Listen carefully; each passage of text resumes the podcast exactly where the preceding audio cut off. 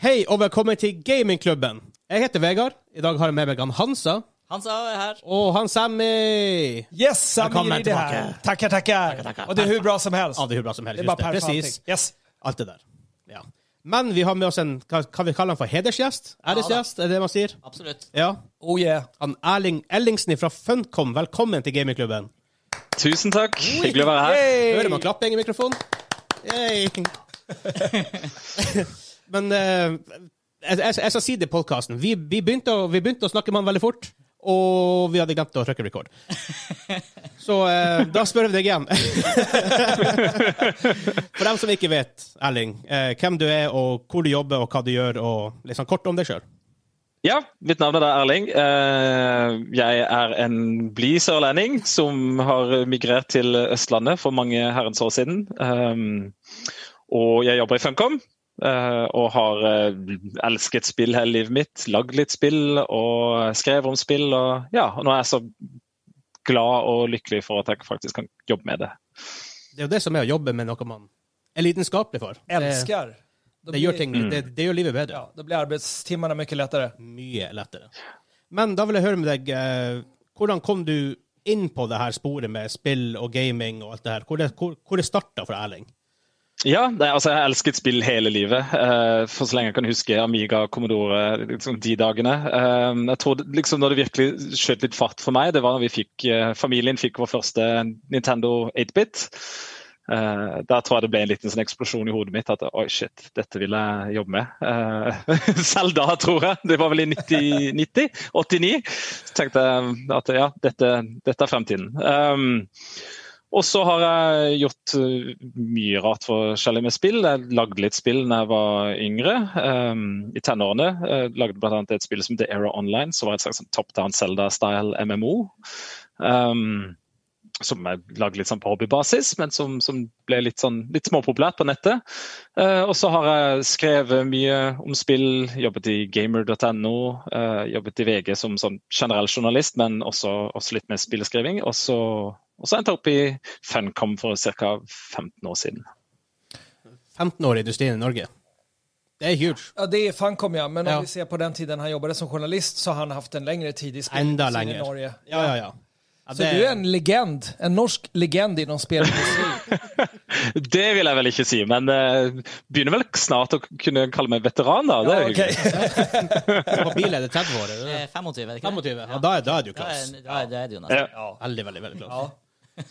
Men du, eh, du nevnte spill, det MMO du lagde. Hva det, bare veldig kort, som sier du nevner, hva, vi, eh, hva det var for noe? Hvordan var, hvordan var det spillet? spillet? Ja, det, det var et spill som da het Era Online, og det var top down. Eh, satt i en sånn fantasiverden som, som jeg bare lagde sjøl, som jeg kalte Manath. Eh, og jeg likte veldig godt den kreative siden ved å lage spill. Eh, Um, designe kart, uh, jobbe med ulike mennesker på Jeg husker jeg dro inn vennene mine liksom fra skolen til å OK, du skal lage kart, du skal lage grafikk. Og så ble jeg kjent med en, en finne som lagde musikk. En som spilte i et rockeband, men han ville lage musikk. Um, så jeg likte, likte, jeg likte liksom det å skape noe, den prosjektkoordineringen også. Um, og Det var også jeg som programmerte det, men det var jeg ikke veldig flink til. Og jeg likte det egentlig ikke så veldig godt.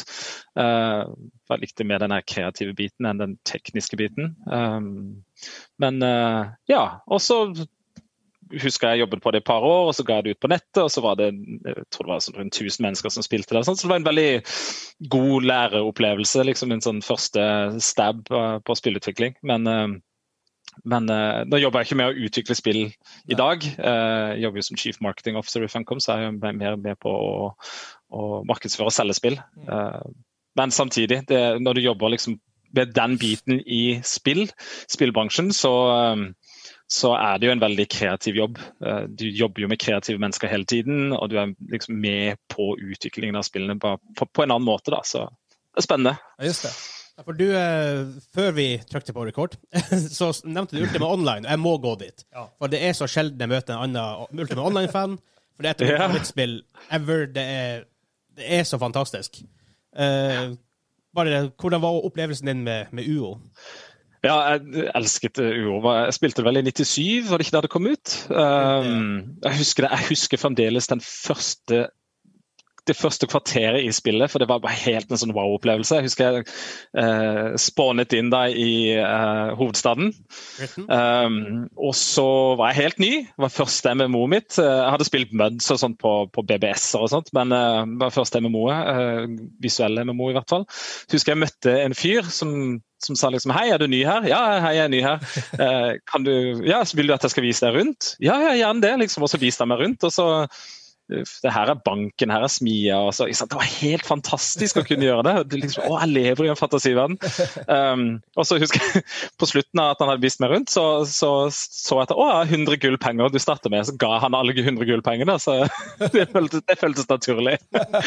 så, men, men, jeg tror altså, Det var liksom da jeg virkelig kom inn i MMO-er, det var det som var det var da det virkelig klikket for meg at liksom, dette, er, dette, er, fremtiden. Dette er fantastisk. Så jeg har liksom spilt omtrent alt MMO-er. Jeg var religiøst interessert i Everquest. Jeg husker 98 kom vel der, eller 99 var det vel kanskje. Og da husker jeg vi var, Du kunne ikke laste ned spill på den tiden, på den måten i hvert fall. Så da husker jeg måtte liksom importere det fra Sverige, den fysiske boksen, for du kunne ikke kjøpe den i Norge på den tiden. Um, så ja, det var helt, helt spesielt. Det er mange mange gode nostalgiske minner fra, disse tidlige MMO-ene. Ja, for meg, Ultima, som jeg, sagt, jeg, jeg sa det i stad, og jeg har sagt det mange på podkast, Ultima Online er et magisk spill. Du, som man sier, du starter med 100 gullpenger. Vær så god. Du får leve, du får bare gå rundt i verden. Du, du har ikke ja. råd til å kjøpe noe som helst, stort sett. Uh, så må du bare finne din egen vei. Det er ingen quests. Ja, ikke sant. Og det, og det var liksom, det er akkurat noe med det at du, måtte, du, du levde liksom i en fantasiverden, og du lagde din egen greie. og du, Det var det du gjorde det til. Jeg husker f.eks. jeg ble med i en sånn gruppe med spillere som, som var sånn landeveisrøvere. Og så pleide vi å gjemme, gjemme oss i skogen ved et sånt fjellpass. Og når det kom spillere forbi, så hoppet vi ut, og så, og så drepte vi dem, og så tok vi tingene deres. Liksom helt, sånn, helt sånn emergent gameplay. På ingen måte strukturert. Eh, men det gjorde det jo så mye gøyere også, egentlig. Mm. Da får kanskje ta et litt dypere spørsmål om spillet generelt. da. Føler du at for spillet i dag er blitt mer og mer strukturert? Veldig ofte, i hvert fall. Iallfall MMO-er. med WoW er jo veldig strukturert. Du har Quests, du har Dungeons. Det er veldig, du kan ikke gjøre så mye mer enn det.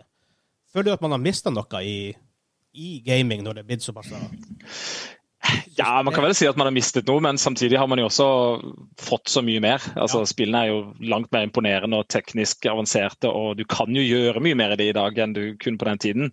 Så, så jeg tror ikke man skal liksom se gjennom sånn, hva heter det, rose-colored glasses for mye. Det var mye galt også med, med spillet på den tiden. Men, uh, men så er det jo noen MMO-er er jo mer frie enn å åpne enn andre. Uh, F.eks. Black Desert Online. Der jeg husker når jeg spilte det, så fikk jeg litt den der urofølelsen. Oh, ja. Ja. Uh, på en måte, ikke sant? Leve i en verden og bygge opp en, en business og ja. alt jo, Albion nå er jo litt er jo inspirert, veldig inspirert av jo. Mm, mm, mm. For eksempel. Men du som jobber i Funcom, Funcom har jo et MMO. Det var vel før din, eller før din periode med Anarchy Online?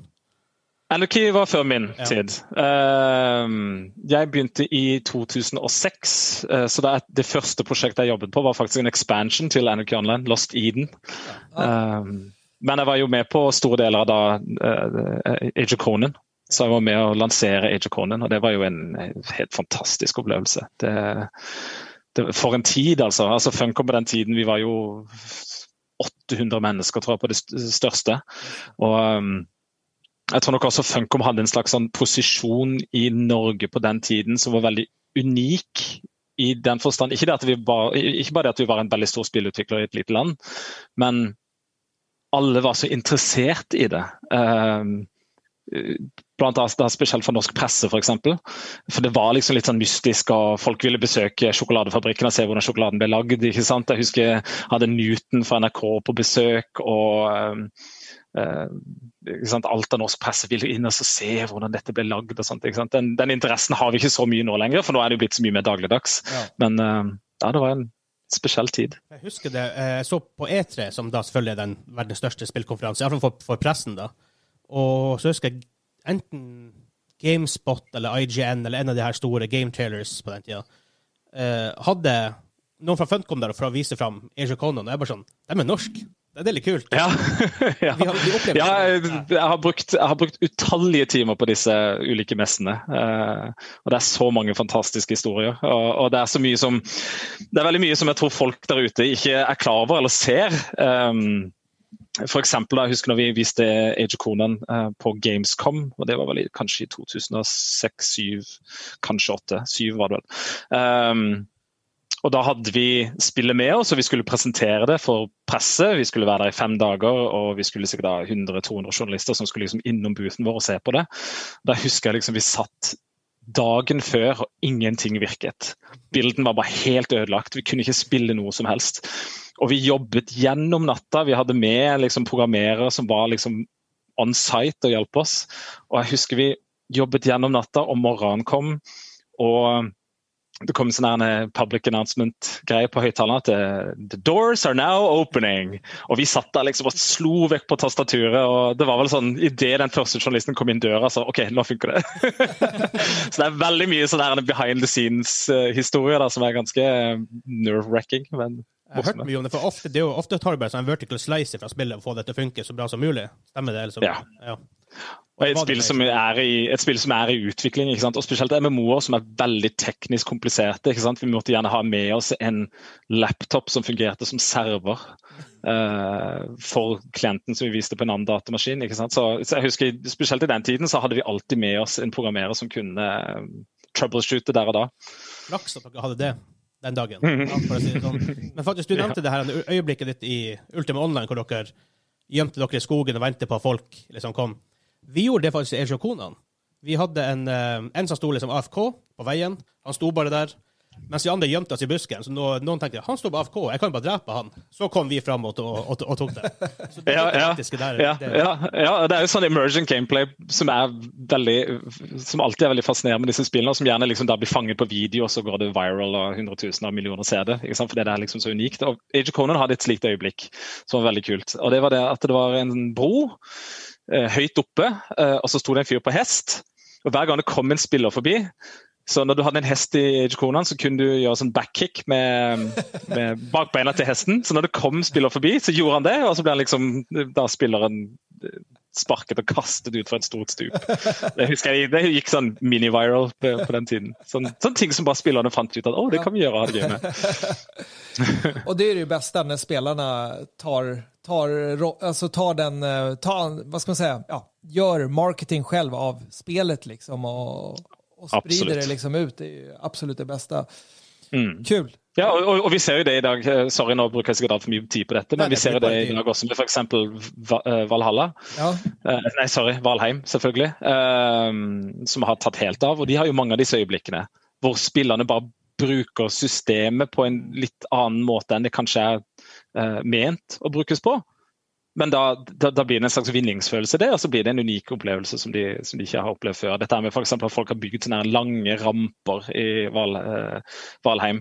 Hvor de sender liksom ned skip eh, i full fart ned sånn sklier og sånt. ikke sant? Det var antagelig ikke ment fra utviklernes side at det, fysikken skulle gjøre det, men there you go. ja. Hva, vi hadde dem jo på podkasten for to måneder siden, nesten. Og de Mm. sa de hadde forventa å selge hva det, 50 000. 50 000 var det. opp, ja. Ja. De har solgt over 5 millioner. Ja. Så det har Ja og, bra. og, ja, og i så stor fart. altså Det er helt utrolig. Og det, det, det, altså Vi som jobber i bransjen og jobber med et slike spill, syns jo det er helt fantastisk. For det viser jo bare det at det, disse spillene har Potensial. Eh, stort potensial, stort publikum. Mm. Ja.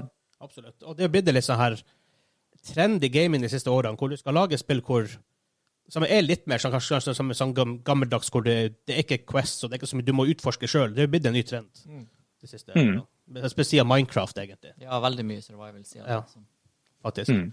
Men, men Age of Conan, eh, hvordan kom Hvordan fikk Funcom tak i, i ja, IP-en Rettighetene, det var jo Conan? Hvis du kan snakke litt om det, hva er historien? Ja, ja, ja, altså det var jo før min tid, altså jeg kan jo ikke alle detaljene. Uh, men det var jo sånn at uh, Funcom ville lage et spill uh, basert på en MMO, og de kom i kontakt med da disse som, som eier Conan-lisensen.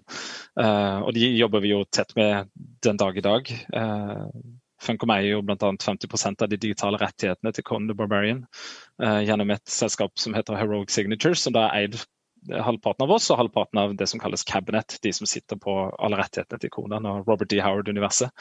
Um, og, og, han, og, og, det er jo en, en, en svenske som heter Fredrik Malmberg, som, Vi, eh, vi- som står bak det.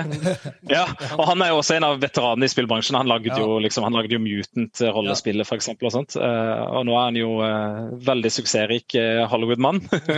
Eh, veldig hyggelig fyr, for øvrig.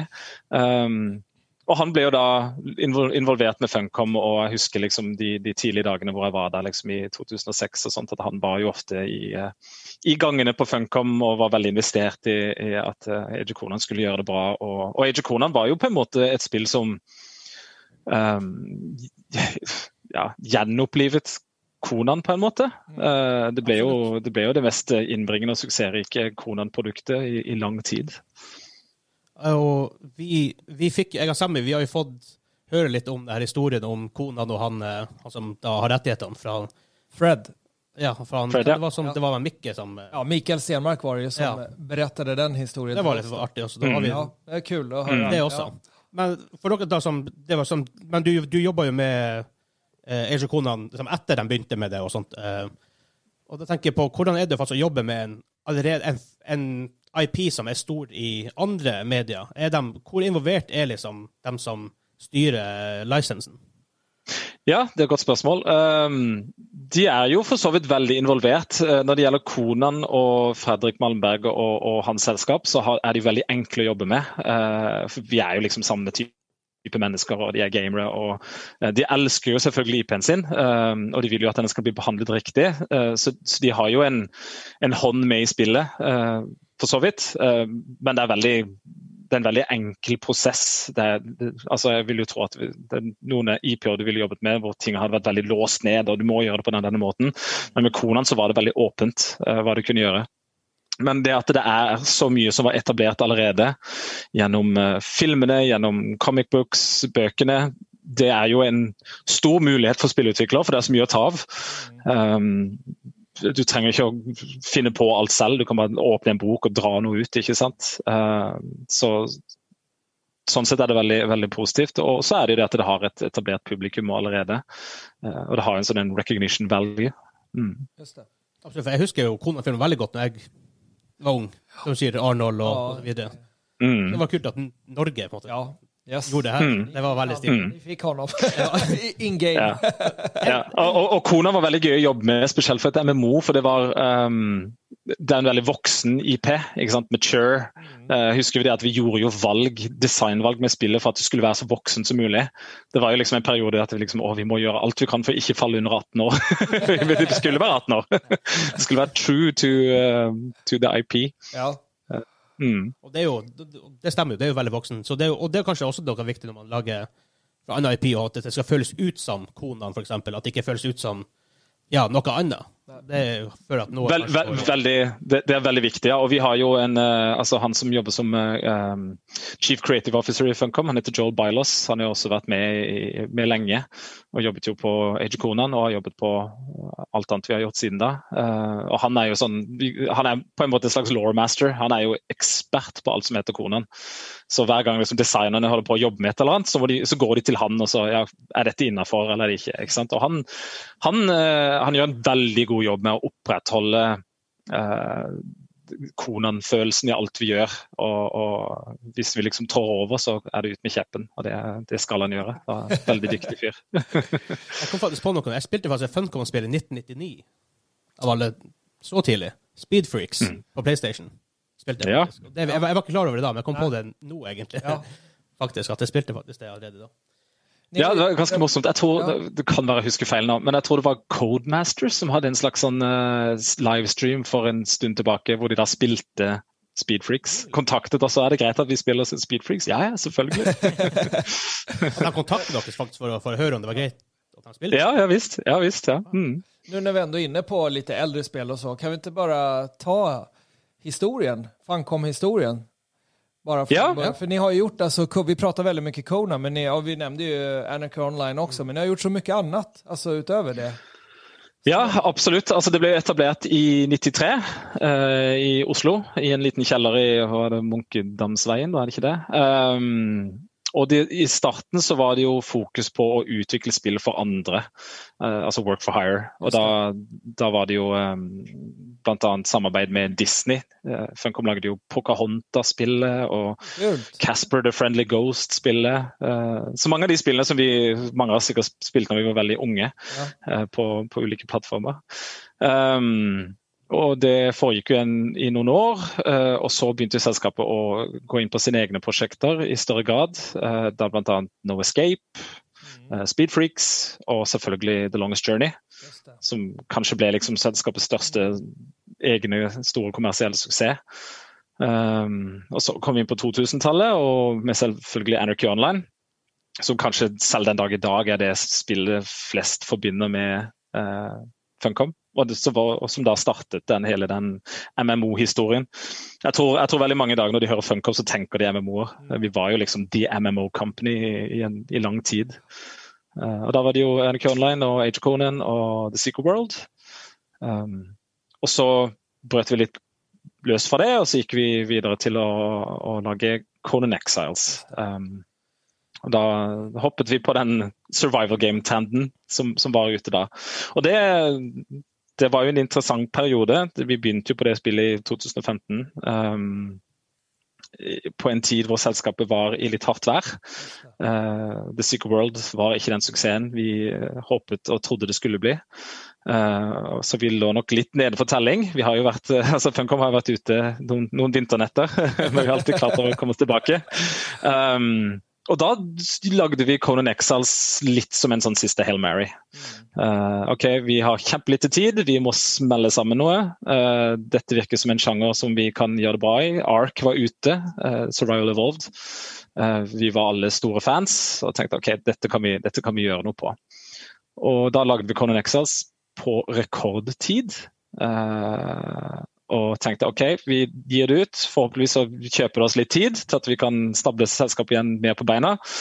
Så ga vi det da ut i januar 2017, um, og da sa det bare pang. Ja. Og det tok helt av. Jeg husker, um, jeg husker den natten før lanseringen av Conan Exiles. Jeg husker jeg sov på kontoret, for vi skulle, uh, vi skulle lansere det tidlig morgenen etter. Um, så husker jeg trykte på denne Steam-knappen, denne publish. jeg tror det var meg som gjorde det. oh, man må, faktisk trykke publish. Ja, jeg tror det var det. Det kan være at jeg husker eh, det jeg ønsker å huske nå, eh, men i hvert fall, jeg var der. Ehm, trykte publish, eh, så gikk det en time, og da begynner du liksom å få de første tallene inn på Steam. Så husker jeg Steam ringte meg Eh, kontaktpersoner i Steam og sa liksom dette er jo helt utrolig, sier de. Jeg har aldri sett dette før. Wow. For da hadde vi solgt jeg tror vi hadde solgt for én million dollar den første timen. Oh, wow. eh, og, og, da var det jo i løpet av den første uken så hadde vi jo nådd det målet vi hadde satt oss for et helt år. ikke sant? Og vi hadde, vi hadde recoupet hele utviklingen på bare noen dager, så det var jo helt, eh, helt fantastisk. Og vi trengte jo det. Jeg tror vi liksom mentalt trengte liksom den oppturen som vi fikk da. Uh, ja, og det har jo da skapt grobunn for det, det skapte jo grobunn for den, den, suksessen vi har, har ja. nå. Og Conan Exiles har jo blitt den største suksessen vi har hatt. Det, det, ledet oss inn, i, det ledet oss jo inn i, i, flere år, som var de mest profitable årene i selskapets hele 20 år pluss historie. Ja, apropos uh, den suksessen som kom med det, så har vi jo hørt noen store nyheter som var Var det rett før nyår? At vi fikk beskjed om at uh, yep. Tencent hadde kjøpt opp ja, det er riktig. Så, er det noe du kan fortelle oss om eh, den historien? For Vi har jo hørt veldig lite utover the headlines som man leser. Og vi har jo dekka det på podkasten nå. Og vi har jo nevnt det, ja. For det er jo veldig ja. spennende, spesielt for meg og Vegard, som er helt enorme Riot Games-fans. Ja. mm, mm, eh, hva det her kan bety for Funcom videre, og hva som gjorde at man kom i den situasjonen. Ja, nei altså vi uh, I den perioden hvor, hvor, ting var litt vanskelig, så, så, snakket vi jo med mange ulike selskaper på mulig oppkjøp. Uh, men det er litt sånn utenfor den historien, for så vidt. Uh, hvordan Tencent kom inn i bildet, var rett og slett det at vår, den største eieren vår, Jepsen, ønsket å, å, selge seg ut av selskapet. Og de da så etter et selskap som, som kunne ta over deres egenandel. Og da var det jo ulike inn i bildet, og, og, det endte jo opp med Tencent, som da kjøpte, mm. først kjøpte den uh, eierandelen. Uh, og så hadde Tencent stor tro på oss. de, de, ønsker å gå hardt inn i den open world survival crafting-sjangeren. Og, og, så at vi hadde en stor suksess. At vi hadde menneskene med de riktige skillsettene til å lage slike spill. Teknologien, ikke minst. Um, og ønsket da å satse på. Så da, da, da endte de opp med å kjøpe alle aksjene. Så de kjøpte jo ut uh, alle de andre store eierne og, og, og, alle de som satt på sånn fem Funcom-aksjer uh, som de hadde brukt sparepengene sine på. Det bare en del av de også, disse små aksjonærene. som alltid har vært veldig hyggelig, forresten. Det har, jo, det, det, har, det har, jo, ført til at det har vært en stor, brennende interesse for Funcom blant liksom, tusenvis av norske småinvestorer. Så det har alltid, alltid vært en spennende del av, av det. ja, så Tencent kom inn, kjøpte oss helt opp. Um, og det er eh, veldig positivt for oss på alle ulike måter. Altså, selvfølgelig det at det har gitt oss den økonomiske tryggheten som vi alltid har ønsket oss de siste årene, ikke minst. Um, men de kommer også inn med mye ekspertise, eh, kunnskap, eh, ressurser som vi kan nyte veldig godt av. Eh, på, både på utviklingssiden, på forretningssiden, på publishing-siden. Um, så vi har jo nå f.eks tilgang til mennesker som er svært erfarne. Uh, som har jobbet i bransjen i mange mange, mange, mange år. Uh, som vi da kan snakke med, uh, spille ball med, og som kan hjelpe oss på ulike måter. Og Tencent er veldig sånn, De ønsker at vi skal være autonome, at vi skal ta våre egne valg. Vi skal gjøre, vi skal gjøre vårt. men de er der for å støtte oss når vi trenger det, med ulike funksjoner som, som, som, som vi ønsker å ha hjelp på. Uh, for min egen del, for eksempel, bare ta, ta, ta, et eksempel, så, så, jobber jeg nå nært med den personen som, er, uh, som, nå er Global Marketing Director i Tencent. Og han var jo tidligere Vice President of Marketing i Activision Blizzard. Uh, jobbet i bransjen i flere titalls år. Fantastisk kunnskapsrik. og Han kan jeg liksom bare slå på tråden til du, eh, det er en ting jeg lurer på, eller hva mener du om dette? Det er jo helt, det er gull verdt på alle mulige måter. Så, så Tencent-opplevelsen har vært veldig positiv for oss. Vi har fått gigantiske muskler som virkelig kan være med og, og løfte norsk spillindustri videre også. Da, da. Absolutt, og det er jo det, det, er jo det de spillutviklere trenger. De trenger rom og pengene yes. til å kunne gjøre de investeringene, til å kunne satse hardt. Mm.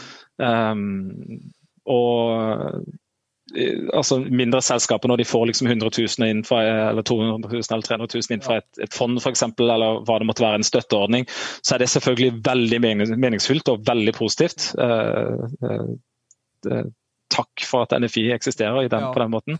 Men for å virkelig utløse de store prosjektene og de store satsingene, så trengs det jo mer investering. Og Der er jo vi veldig heldige at vi har den muligheten. da. Men var det aldri noen norske Eh, riskkapitalister som var intresserade?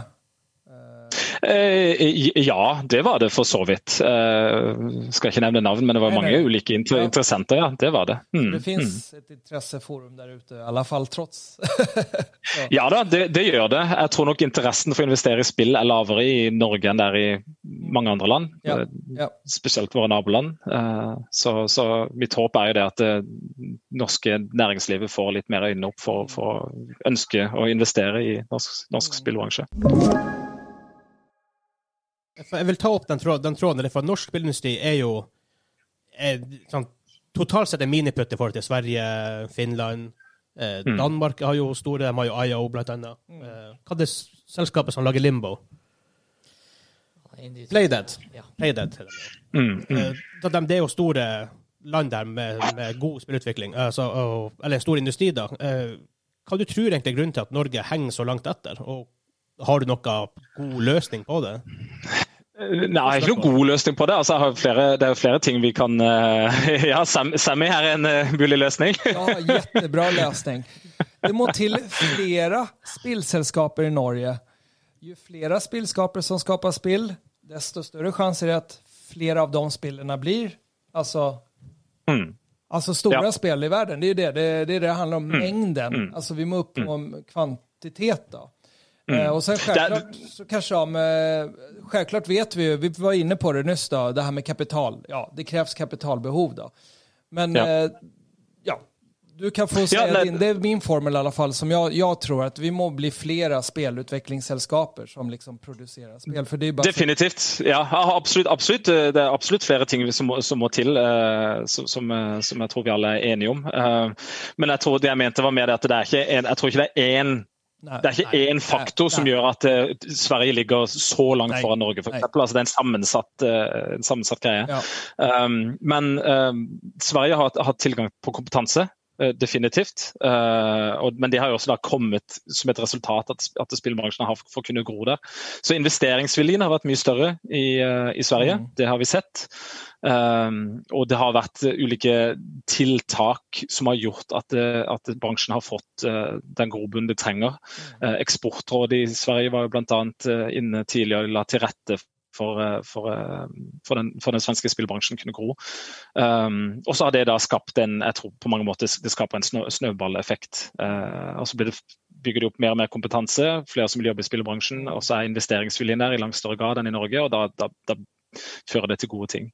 Så i Norge trenger vi, vi, trenger, um, vi trenger kompetanseutvikling. Det har jo også det norske regjeringen sagt i sin dataspillstrategi, at den største uh, blokkeren for, uh, for, videre vekst i bransjen er nettopp uh, mangel på, på kompetanse.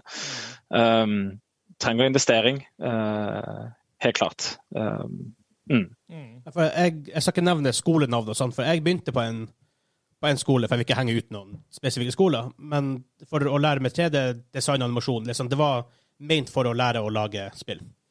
Mm. Men det fikk følelsen av veldig når man begynte, var du lærer å lage spill, men du er egentlig mer liksom, De sikter mer mot at du skal jobbe innenfor helse eller gå til Statoil sånn, de her. Så det, det, Den følelsen jeg fikk, stemmer det til en viss grad, tror du?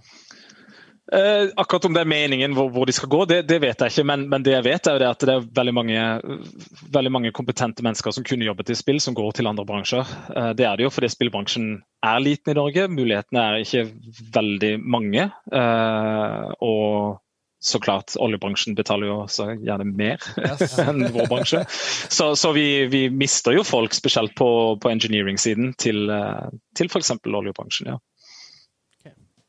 Ja, for det, og um, som du sier, um, investeringer trengs jo. Og, men vil de noen gang bli villige til å investere hvis ikke bransjen er suksessfull i utgangspunktet? Altså... Nei, ikke sant? Så Det blir en litt sånn høna og egg-situasjon. Det gjør definitivt det. Så, så, Det er derfor jeg sier at det er ikke en sånn en, en enkel shot in the arm-løsning.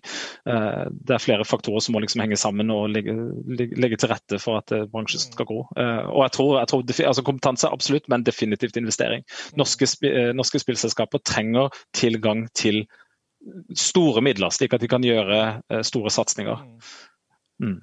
Hvordan har dere i Funcom opplevd det når dere lanserer et nytt prosjekt? Rekrutterer dere da nordmenn hovedsakelig, eller må dere rett og slett utenfor grensen for å finne folk? Eller har dere en kjerne som dere har jobba med i alle år? Nei, altså I Funcom Oslo så er jo over halvparten fra utlandet. Uh, og Vi ønsker jo å ansette flere fra Norge, definitivt. Og vi ansetter jo selvfølgelig mange fra Norge også. Um, men ofte er det jo liksom, i spillbransjen så trenger du litt sånn spesialisert arbeidskraft. og Du trenger gjerne mennesker med mye erfaring, som har gjort det før, som ikke gjør de samme feilene osv. Så, videre. uh, så vi, ofte når vi liksom har uh, altså vi, vi, rekrutterer jo mange nordmenn, og, og, ofte er det jo det gjerne juniorstillinger, og, men også andre stillinger, selvfølgelig. Men det er jo bare rett og slett slik det er, at du finner ofte de mest erfarne uh, menneskene med den spisskompetansen innen ulike områder fra utlandet. Og da, da blir det jo gjerne sånn. Veldig. Uh, og vi snakka jo med han um, Aymar Bergan fra Heisled, og han sa han begynte jo bare som en QA-tester, altså quality assurance, og da mm. måtte rykke opp i, i nivåene. Så det, må man kanskje, hvis man skal ha en start innenfor spilleindustrien, må man kanskje ja, komme inn som, i en litt sånn ikke en jobb som ikke nødvendigvis er den du vil ha. Du må faktisk godta å være kanskje lavest på rangstigen før du begynner å faktisk gjøre det du har lyst til.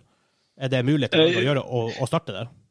Ja da, absolutt. Og, og, um, og, det er jo en, det er helt vanlig liksom, at når du er en, en, en nyutdannet spillutvikler, at du går inn i en juniorstilling. Uh, og Det er jo en glimrende måte å lære på og kunne vokse på. Uh, så Derfor opererer vi jo gjerne med liksom, slike ulike ranks, altså junior, intermediate, senior osv. Principal. Uh, så det er jo en veldig klar sånn, karriereprogresjon. og Du må komme deg inn på en eller annen måte, ja. Og jeg tror nok spillselskaper ser veldig mye på hva du har gjort før.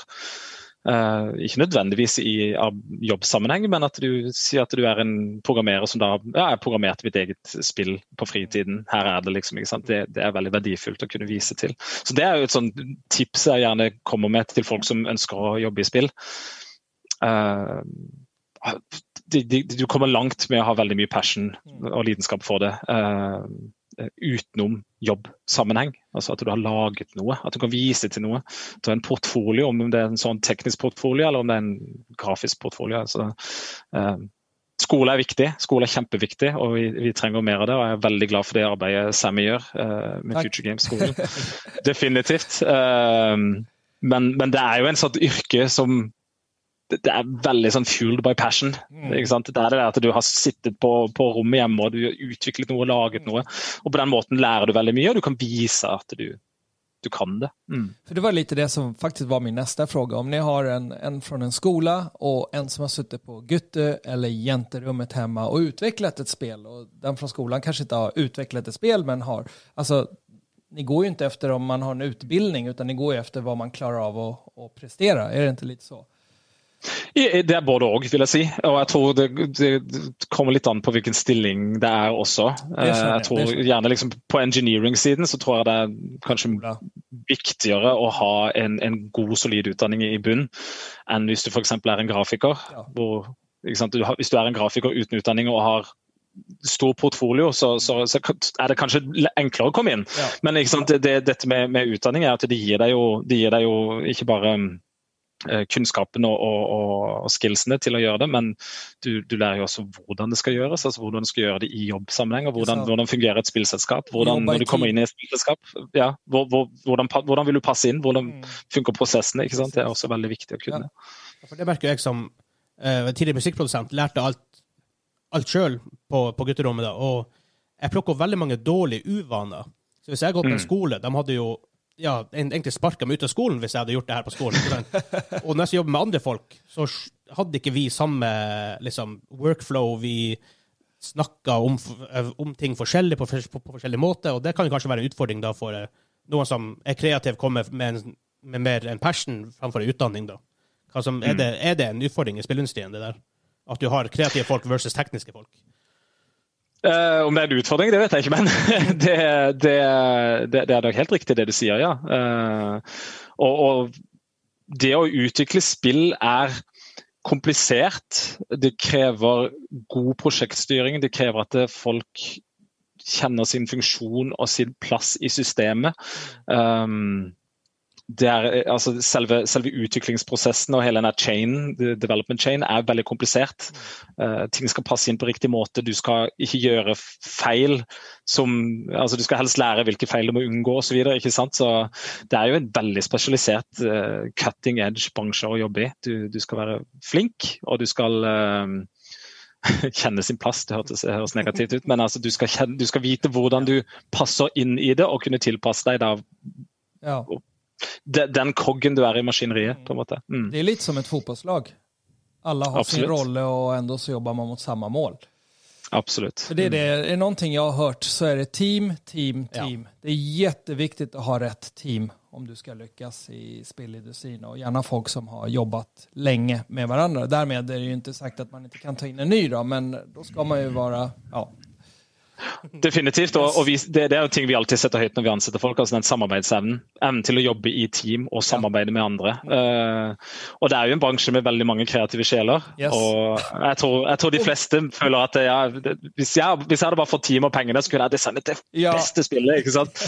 Uh, men det er i aller høyeste grad et, et, et uh, samarbeidsprosjekt. Det er mm hundrevis av mennesker som skal liksom lage, gå sammen om å lage denne ene tingen. Og Da må det henge, henge godt sammen. Og Der er kanskje spilleindustrien litt spesiell. I forhold til film så begynner du å filme, og du ser, kan jo lett måte, se hvordan det blir. Men spill, spillet fungerer jo ikke for lenge etter du har begynt development. Ja. Så du vet jo ikke om det faktisk funker som et spill. Det er jo som hvilken software-programvare som helst, egentlig. Mm, mm, det er veldig interessant det. Eh, den første perioden, og den kan være måneder eller kan til og med være år, hvor ting egentlig ikke henger sammen. At det er liksom systemer som ligger i bakgrunnen, men sluttbrukeren har ikke noe å se på. på en måte, ikke sant? At du kan du går rundt i et stort empty space og, og ja, ja, spillet har alle, alle, disse tingene. Ja, men jeg ser ikke disse tingene. Nei, nei, men det er fordi at det ligger i bakgrunnen. Vi har ikke plugget, plugget opp mot fronten ennå. Det skjer jo hele tiden. Og så plutselig så er det noe som løsner på en måte. At det bare, å ja, da begynner ting å poppe frem liksom, som stjerner på himmelen. ikke sant? At, å, nå, nå, nå begynner liksom den magiske følelsen å melde seg. og Veldig spennende prosess å være en del av. Det er det. Og for på Conan Exile så hadde vi en sånn, en, en sånn uh, utviklingsprosess hvor vi um, med jevne mellomrom hadde company-wide playtests. Så hver gang så, så du liksom at nye ting hadde kommet inn. 'Å, nå kan jeg gjøre det. Nå kan jeg løpe bort til treet og jeg kan slå på treet.' Og så neste gang 'Å ja, når jeg slår på treet, så faller det faktisk sammen.' Å, så kult. ikke sant? Så du ser denne iterative utviklingen hele veien. Det er veldig spennende. Ja, for Det er noe vi aldri får se. Veldig sjeldent, i hvert fall. Liksom, hele development stage, å få den her For Det er sikkert veldig utfordrende. Det er sikkert veldig stressende å være i en situasjon hvor vi skal lage spill. Ingenting fungerer ennå. Altså, det er ikke et spill engang. Men å se at det mm. faktisk begynner å ta form, og ok, det vi designer, det funker, og det er gøy, og vi kan kjøre på videre. Men skjer det av og til at mm, mm. dere må ta noen skikkelig U-svinger der på 'Å, nei, nei, det her må vi backe off fra. Det her funker ikke. Vi må gjøre noe helt nytt'? Absolutt. Kill your darlings. Uh, og og det er jo også sånn at Vi som spillutviklere, og spesielt, spesielt nå, tror jeg, liksom det, det, tror jeg bare det blir viktigere og viktigere, det at du, du, vil ikke vise ting før det virkelig er klart til å bli vist. Jeg tror kanskje Før i tiden så var det litt mer sånn OK, vi viser litt underveis, og ja, dette er ikke ferdig, men det ser sånn ut. ikke sant? Men nå er The bar is so high er helt sånn engelsk ødelagt for øvrig. Eh, sånn er det når du jobber i et internasjonalt selskap. Altså at det, ja, kvalitetsnivået er så høyt der ute at du kan ikke gå ut og vise noe før det virkelig skinner. Mm. Uh, så Derfor tror jeg i langt større grad nå enn tidligere, så når du først ser et spill, så ser det fantastisk ut allerede. Og da har gjerne utvikleren jobbet på det i mange år. Mm. Og mm. da, for å gå videre til det, snakk om spill som forhåpentligvis blir fantastiske, i hvert fall. Dere har jo noe nytt på vei. Ja. du, får, du, får se, du får se lite om det i alla fall. Ja. Lite, ja, det, vad, heter, vad heter spillet? Ja, det, er dessverre ikke så mye jeg kan si om det ennå. Eh, vi, vi, holder kortet tett til brystet, og vi skal eh, avsløre det senere. Men vi har jo sagt at vi eh, ja, For å ta et steg tilbake, så, så har jo Funcom tilegnet seg rettighetene, de eksklusive rettighetene de neste flere årene til å lage PC- og konsollspill basert på June IP-en. Um, og vi jobber jo nå med et spill internt uh, som er et uh, open world survival multiplayer-spill mm. I det universet. Og det er vel ca. så mye vi har sagt. men, men, men, man kan jo sitte og, og, og, liste ut litt med tanke på det Absolutt. du sa om Conan, så antar jeg vel at det kanskje kommer være en del sandworms med i spillet, eller noe sånt trivelig, som man kan sitte og ride på gjennom sanddynene. tror hvis du, jeg tror hvis du hadde lagd et Dune-spill uten sandworms, da ja. tror jeg du hadde fått uh, to, to, poeng slått av score med en gang. men jeg må jo også spørre, Dune er jo virkelig i vind. Vi vet jo alle ja. det kommer en uh, gigafilm eh, senere i år. I år er det vel, ja? Ja, de er vel ja, det. Ja, det ble delayed egentlig til ja. i år, var det ikke det? Men, eh, kommer, kommer, i oktober. Mm. oktober ja. ja det, det, burde du vite. Det er bra. er det, hvordan er det som spillutvikler og filmgjengen der? Er det noe slags eh, samarbeid på gang her? Er det en felles Er det, er det noe slags cohesion mellom filmen kan du si, og spillet, eller opererer dere? Ja, vi jobber, dere aldri vi, med hverandre? vi, vi, jobber tett med Legendary, uh, som det er studio bak filmen. Uh, det gjør vi. Um, akkurat hvilken form spillet vil ha i forbindelse med det, sånn, det, det, kan forbli usagt for nå. Men, men, men vi, jobber, um, vi, jobber, tett med de, uh, definitivt. Jeg har hatt mange møter med de, har møtt de og snakket med de, og de, de brenner jo også for IP-en. For det, det er jo sånn at ja, ja, det er Hollywood-folk i et filmstudio. ikke sant? Og Det er en av mange filmer. Men det som også er, det, det er faktisk en ganske interessant parallell til spilleindustrien. Når en film kommer ut, så har de menneskene som jobber med det, jobbet med det i mange år. ikke sant? Det er liksom den der initielle OK, vi skaffe seg IP-en, begynne med ideene, script storyboard. Liksom. Det er ofte litt sånn kreative kamper som foregår, og at de liksom må kjempe for at dette skal bli skapt. Um, og jeg var jo så heldig at jeg fikk besøke filmsettet i, uh, i Budapest i sommer 2019 må det ha vært. Ja, det kan jo ikke være 2020. Nei, 2019. Um, og da fikk, fikk, sett litt hvordan filmen lages. Um, og, og, det er jo det, som sagt, det er veldig mange paralleller til, til spillbransjen. for du har Den personen er ansvarlig for det, den personen er ansvarlig for det. og Så fikk vi liksom møte de som lager kostymene. og De hadde jobbet i mange år på dette. og liksom, De hadde tegninger på veggene overalt. og De, liksom, de var så glad for å kunne vise oss ting. ikke sant? De gikk liksom i en skuff og fant fram ja, dette her har vi laget. liksom, og alt er liksom sydd for hånd, og se disse detaljene her. ikke sant? Det er akkurat som å snakke med en grafiker i spillbransjen. Um, og så, så vi, vi, fikk besøke av filmsettet, som sagt. og, og De har kontorer med ulike funksjoner. og Det er akkurat som et lite spillselskap, eller et stort spillselskap for så, for så vidt, som jobber på noe da som skal bli denne ene ferdige filmen som folk skal se. Det var spennende å, å se. Artig at det kan være et sånt samarbeid mellom, mellom de bransjene, der man kan ja. si, hente ting fra hverandre også. Nå er, jo, ja, og, nå er det jo mye ja. likt mellom f.eks. cutscenes i spill, og det er jo veldig mye CG etter hvert blitt i, i, filmer. Så der er jo Mandalorian, Mandalorian for eksempel, ja.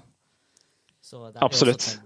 Og alle er, liksom, alle er, jo kreative mennesker. Altså, også de som jobber liksom, på forretningssiden i, i, eh, i, filmbransjen også. De er jo også, som oss som jobber på forretningssiden i spillbransjen, de elsker jo film.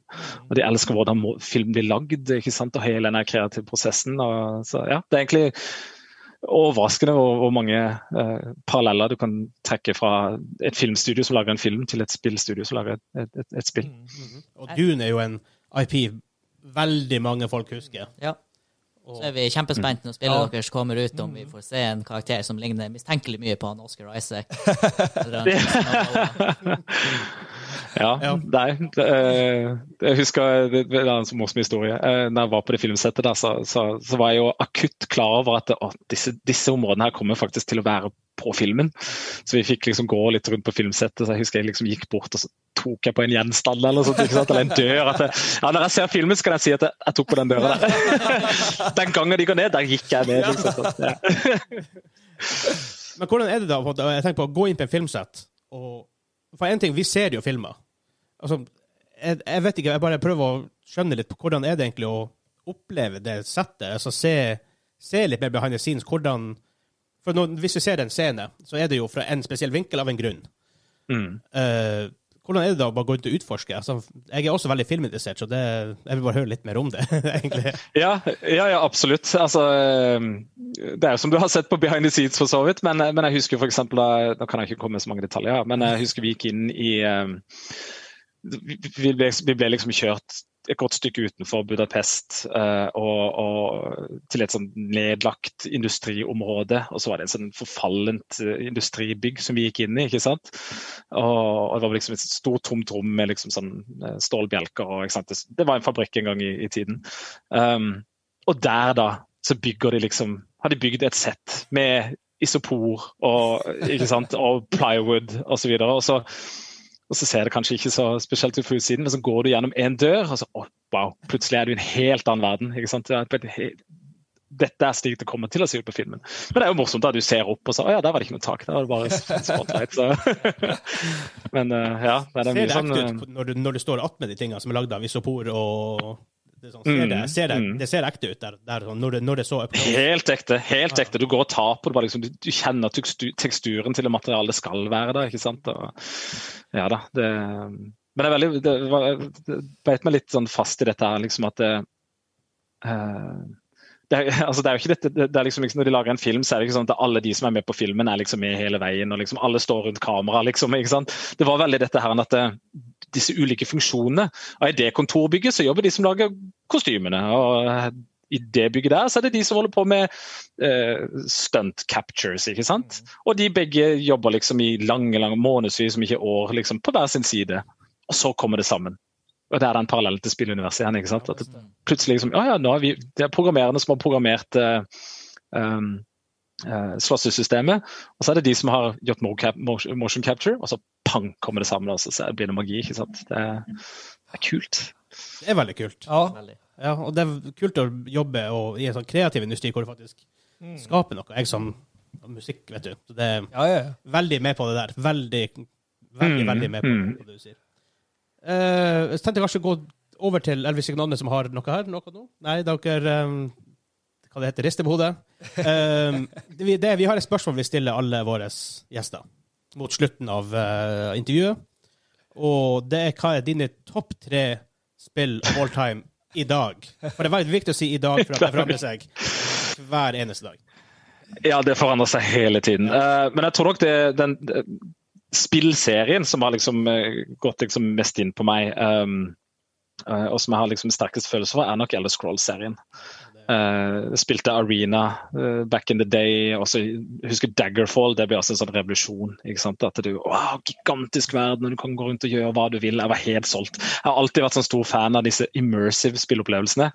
Jeg liker det der når jeg kan gå inn i en verden og bare leve der. Mhm. Jeg er litt sånn som kan liksom litt late som jeg sånn som kan gå inn i en sånn tavern i Skyrim og sette meg ned i en stol og høre på han som spiller musikk, og late som jeg har en sånn uh, swig of ale.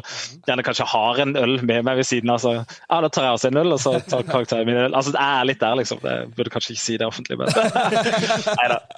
Men uh, så, så de, de, spillene er absolutt. Og hvilket spill i den serien er helt umulig å si. Altså, Det oppdateres med hver gang. Altså, det er vanskelig å si at Daggerfall var bedre enn Skyrim. Altså, jeg vet at mange sier Morrowind var bedre enn Oblivion og sånt, selvfølgelig. Ja, det var, det var men, det, blir, det, blir liksom, ja, det blir liksom bedre hver, hver eneste gang. Um, uh, Civilization. Civilization 1. Oh, yes. Yes. Var, yes. Ja. Der kan det gå noen timer. Ja. One more turn. Ja. One more turn klokka fire om natta. Jeg husker måten jeg fikk Civilization 1 på, var det at jeg gikk vel på barneskolen da. og uh, Engelsklæreren min spilte spill, og så kom han bare en dag med et par disketter Prøv dette, Erling. ok. Putta det i maskinen og bare oh, solgt. og kanskje også en liten sånn her, eh, jeg håper å si, eh, catalyst for at du på en måte begynte å bli interessert i spill, Civilization 1? Ja, definitivt. Absolutt. Uh, absolutt. Definitivt. ja. Mm. Hva du syns om, si om, de, om de nye spillene i den serien kontra de gamle? Blir serien bedre og bedre? Det, kan det ikke sammenlignes? Nei, det kan ikke sammenlignes. Altså, det blir bedre, det er helt klart det. Men altså, og, og det er farlig, dette her med liksom disse nostalgiske følelsene. Men oh, yes. altså, den, den, følelsen jeg hadde da jeg spilte Civilization 1, var jo helt unik. Hadde jeg gått tilbake til det nå, så hadde jeg vært å nei, gud, gi meg Civilization 6. Ja. Men uh, ja. Nei, det er helt, helt spesielt. Og, på tredjeplass, det er det kan være hva som helst. Alltid likt Uncharted-spillene. Oh, oh, elsker dem. Ja, jeg har det på min topp tre-liste. Jeg er veldig enig. Ja, og det, det, er også litt sånn morsomt, for det, jeg liker veldig godt disse rollespillene, og store verdenene og immersive og leve et annet liv. ikke sant? Men da er det ofte deilig å bare kunne ha det stikk motsatte. Mm. Et spill som er bare helt on rails. Du blir servert en historie, du spiller det 1-20 timer, done. Mm. Ikke sant? Det er befriende å ha de opplevelsene. Hva sa du? Hva du syns om slutten av uh, Uncharted 4? Var den satisfying nok? Ja, det, ja, jeg var fornøyd. Absolutt. Definitivt. Jeg, altså, jeg er nok ikke så veldig kritisk når det kommer til liksom, sånn måten spill blir rappet opp på og historier liksom, konkluderes på. Jeg føler jeg er langt mer kritisk når det gjelder film på det. Men jeg tror, og det er interessant, jeg har aldri tenkt på før, men kanskje med spill så blir du litt mer investert along the way. At det liksom ja. Yeah, It was, the, it was the friends we made along the way som betydde noe. ikke hvordan det slutter. Du har jo mer tid i spillet enn i film. Så du har jo mer tid mellom start til slutt. Ja. Ja, absolutt. Mm. For det er også, jeg synes mange har kritisert Last of Us blant annet på det, er ikke, det valget han Joel gjør, det er ikke det valget jeg, jeg ville gjort. Ja, men det er, ikke, det er ikke deg, det er en historie du blir fortalt. Det er veldig mange, jeg synes jeg, Ja, ja. Absolutt. Jeg har spilt, jeg spilte gjennom Last of Us 1. Jeg har ennå ikke spilt Last of Us 2. Uh, som er litt, som er litt pussig, for jeg elsket jo eneren. Men uh, jeg tror faktisk litt sånn kan det ha noe med at liksom, verden vi lever i nå, med en global pandemi og alt mulig, liksom at jeg trenger noe litt uplifting nå? Kanskje. Det var jo en greie rundt release til Last of Us 2. Det var jo sånn Å, nå liksom. Vi trenger ikke det her nå. Men fantastisk spill, det. Det vi har spilt. Mm. Ja. Nei, men uh, ja. ja. Vi snakka i snart en time. Ja. ja tida går veldig fort. Ja. Så, også, hver gang vi intervjuer, kunne vi snakka i timevis om spill og spillutvikling og alt som skjer bak. Og, um, Absolutt og sånt. Så nei, er det noe du har lyst til å Er det noe, noe du har lyst til å få med på slutten her? Uh, jo, ja. Final words. ja. Closing words eh, på radio. Det er alltid litt sånn villøftig, er det ikke det? um, nei, jeg tror det jeg vil avslutte med å bare si liksom, berømme det arbeidet Sammy gjør. Jeg tror det er helt fantastisk at Norge har slike ildsjeler som, som, ønsker å, å, å, utvikle bransjen videre. og og det arbeidet du gjør ved å, ved å, starte denne skolen og mm. tilføre mer kompetanse til den norske spillebransjen, er veldig viktig. Ja. Og jeg håper, jeg håper vi får flere spillutviklere i Norge. Vi har veldig mange kjempeflinke folk som jobber i spillbransjen, mm. men vi trenger mer. Og Det er en bransje som vokser i eksplosiv fart. Vi, Funcom nå ansetter jo Vi har 70 stillinger ute som vi skal fylle, og mer blir det. Så vi trenger arbeidskraft. Så alle som sitter hjemme og hører på og ønsker å jobbe med spill, det er ingen grunn til at ikke du skal gjøre det. Do it! og vi trenger Funcom. Absolutt. Ja, yeah, we're og, here to stay. og, og de andre, da. utan ja. liksom, och, för det er andre som kjemper og sliter i norsk spelindustri også. Da. Så vi trenger dere alle sammen for at vi skal få til det her. Og kan Sverige så kan Norge, så sier alle. Helt enig. Helt enig, absolutt. Og, og, det er mange fantastiske spillstudioer i Norge. Eh, og, og de, de, har laget utrolig mye bra, og de har evne til å lage enda bedre ting og enda større ting. og Jeg håper de får den muligheten. Mm. Absolutt. Takk, Erling. Det var ja. Otroligt kul att ha dig med igen, höll jag på att säga, för att vi har setts på många platser du och jag. Så det känns det som igen, men här var det första takk, gången. Takk, takk. Det var veld, veldig hyggelig å få være med. Tusen hjertelig. Kjempehyggelig å være med. Det er alltid så artig å høre fra ja. baksida av, yes. av spillbransjen, og spesielt i Norge, som ikke vi får høre så veldig mye om ifra. Ja. Så igjen, tusen, tusen takk, Erling, for at du, at du var med på podkasten vår. Takk skal dere ha.